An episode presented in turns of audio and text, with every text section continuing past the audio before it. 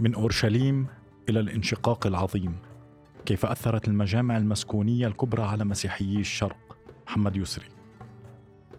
من المعروف أن العقائد المسيحية مرت بالعديد من التطورات والتحولات على مر القرون وهو الأمر الذي تزامن مع انعقاد الكثير من المجامع المسكونية المقدسة تلك التي نوقشت فيها المسائل اللاهوتية الدينية وشهدت إصدار أهم القرارات المصيرية في تاريخ المسيحية.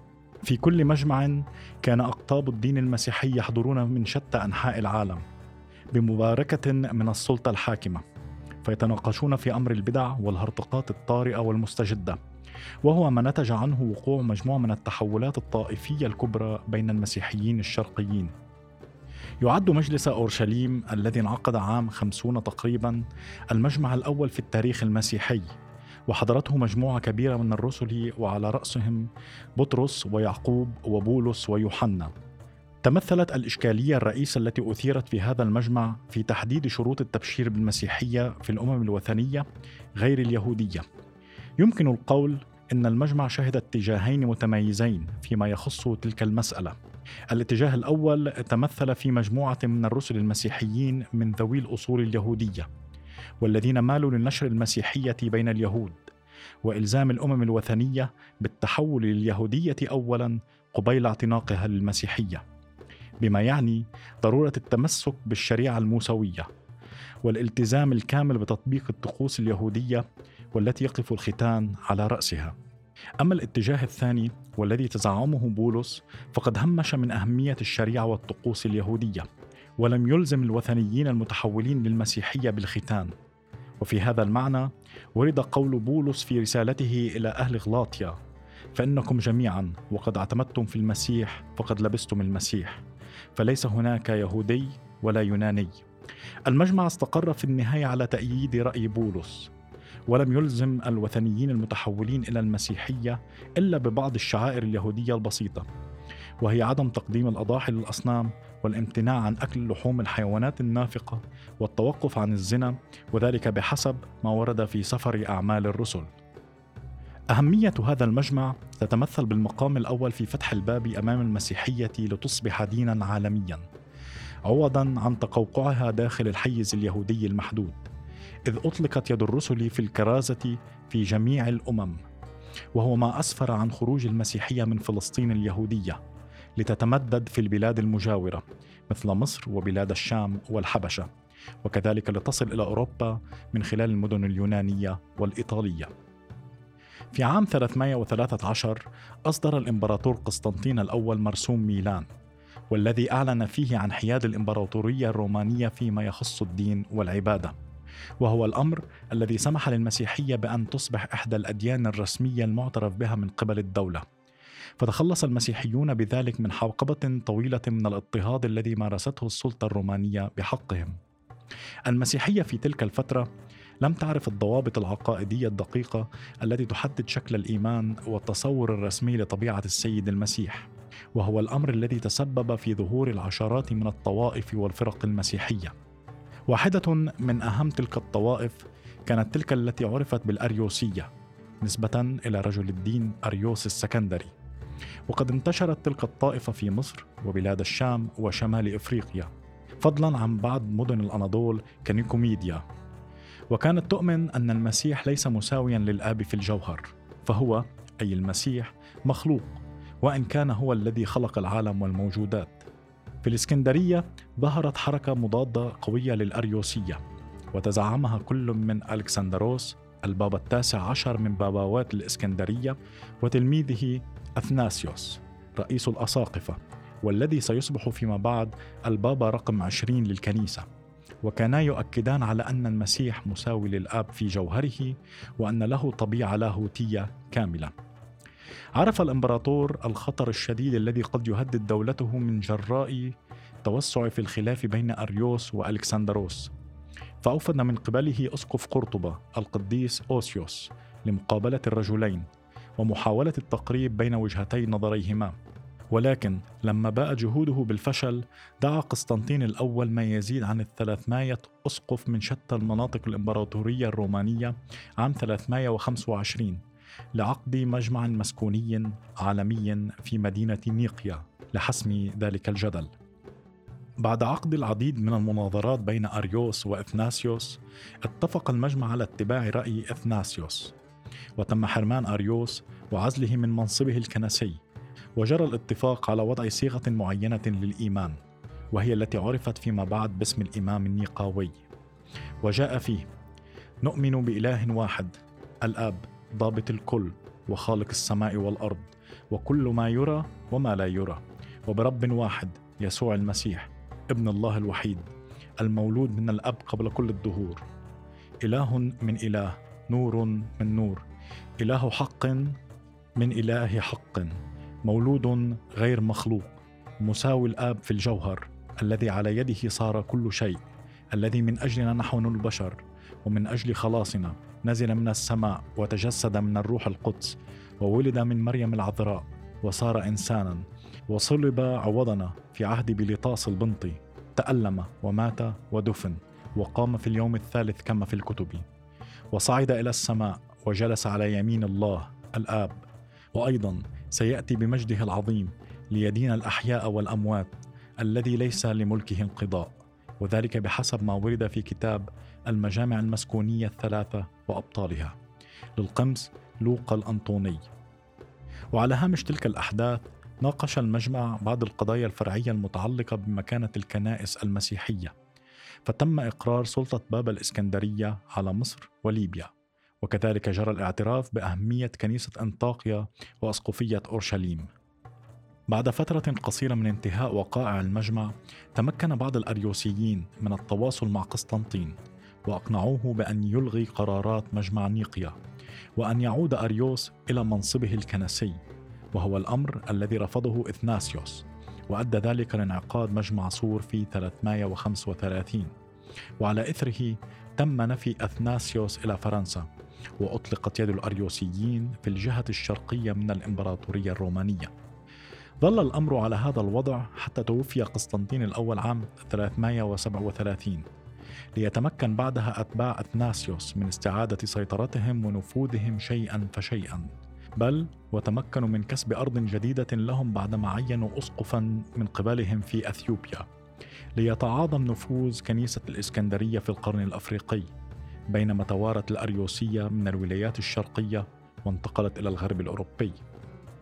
رغم تعرض الكنيسة لهزة عنيفة جديدة عام 381 وذلك بالتزامن مع انعقاد مجمع القسطنطينية الذي نوقشت فيه أفكار البطريرك مقدونيوس الداعية للقول بخلق الروح القدس إلا أن المشكلة سرعان ما تلاشت بعدما اتفق الأساقفة في المجمع على رفض أفكار مقدونيوس وخلعه من منصبه الكنسي. كما تم الاتفاق على إعادة صياغة قانون الإيمان ليضاف إليه المقطع الآتي ونؤمن بالروح القدس الرب المحيي المنبثق من الآب ومع الآب والابن يسجد له ويمجد الناطق بالأنبياء وبكنيسة واحدة جامعة مقدسة رسولية. نقر ونعترف بمعمودية واحدة لمغفرة الخطايا وننتظر قيامة الموتى وحياة جديدة في العالم العتيد. الأمر المهم برز في قيام مجمع القسطنطينية بإعادة ترتيب الكنائس المعروفة في العالم المسيحي. فأعطى المرتبة الأولى لروما ثم منح المرتبة الثانية للقسطنطينية. أما كنيسة الإسكندرية فجاءت في المرتبة الثالثة ومن بعدها كنيسة أنطاكيا وأكد المجمع على رفض تجاوز أي كنيسة لحدود سلطتها الجغرافية وهو الأمر الذي أغضب بابا الإسكندرية تيموثيدوس الأول لشعوره بأن قرارات المجمع موجهة بشكل مباشر ضد كنيسته وذلك حسب ما يذكر القمص كيرلس الأنطوني في كتابه عصر المجامع. والذي انعقد لمناقشة أفكار نسطور بطريرك القسطنطينية والتي تذهب إلى أن المسيح كانت له طبيعتان منفصلتان كإنسان وإله. ومن هنا لا يمكن أن نطلق على العذراء اسم ثيوتوكوس أو أم الإله بل يجب أن تسمى بكريستوكوس أي أم المسيح لأن المسيح في لحظة الولادة كان بطبيعته الناسوتية لا اللاهوتية. بابا الإسكندرية كيرلس الأول والمعروف بعمود الدين تصدى لآراء نسطور وحلفائه في كنيسة أنطاكيا. فترأس مجمع أفسوس الذي دعا الإمبراطور ثيودوسيوس الصغير لانعقاده واتفق المجتمعون على خلع نسطور ثم نفيه لصعيد مصر. هزيمة نسطور وأتباعه في مجمع أفسوس ترتب عليه نتائج في غاية الأهمية والخطورة فيما يخص توزيع الطوائف المسيحية في منطقة الشرق الأدنى القديم. ذلك أن النصاطر المنتشرين في أنطاكيا والرها وبلاد الشام اضطروا للانتقال شرقا فرارا من الملاحقة البيزنطية. وأسفر ذلك عن نشر النسطورية في العراق وبلاد فارس وبعض أنحاء شبه الجزيرة العربية. هذا التغير المذهبي تم استغلاله سياسيا من قبل ملوك الفرس الساسانيين الذين دخلوا في حروب طويلة ضد الإمبراطورية البيزنطية لتأخذ الحرب صبغة دينية. ومن هنا نجد أن كنيسة المشرق في العراق تحولت شيئا فشيئا للنسطورية وصار كبيرها المعروف بلقب جاثليق بابل صاحب سلطة واسعة في بلاد العراق وفارس واستقل بالسلطة الدينية الكهنوتية عن بطاركة إنطاكيا والقسطنطينية.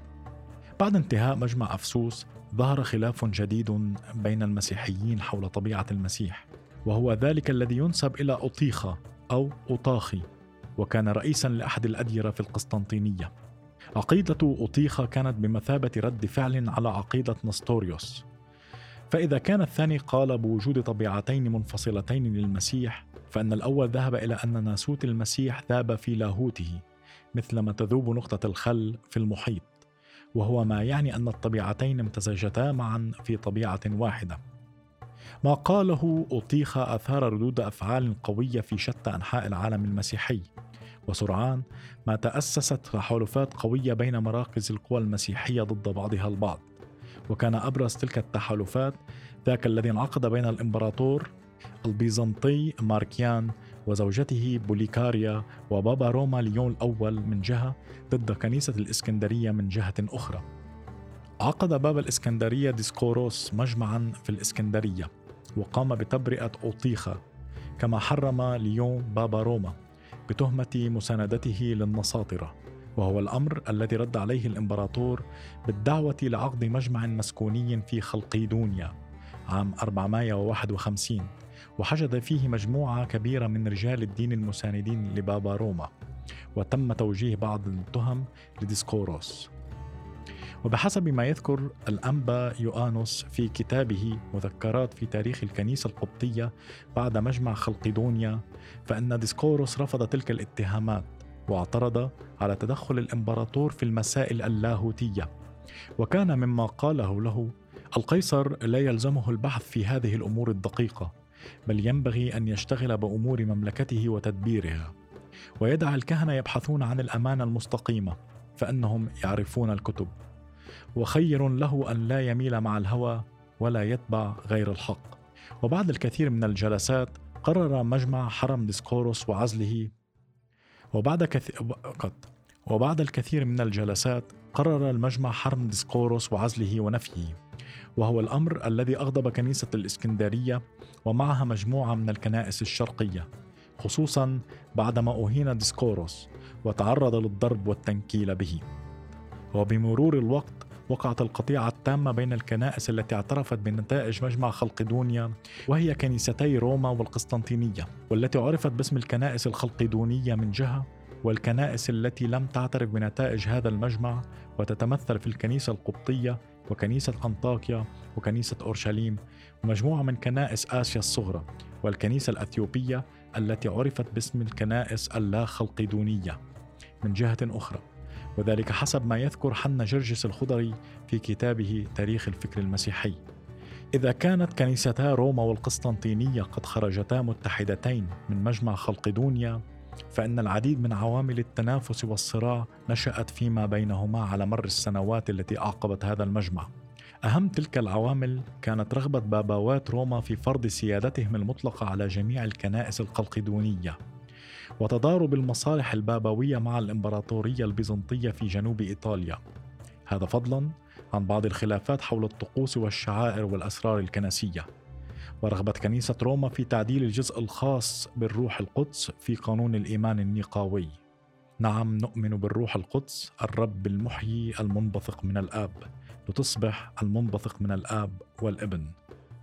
عام 1054 وعلى أثر محاولة بابوية فاشلة للحصول على الدعم البيزنطي ضد اللمبرديين في إيطاليا وقع الشقاق النهائي بين كنيسة روما والقسطنطينية وأصدرت السلطات الكنسية في كل جهة قرارا بحرم الجهة المقابلة ليسدل الستار على التحالف الذي تمكن من الصمود لما يزيد عن خمسة قرون.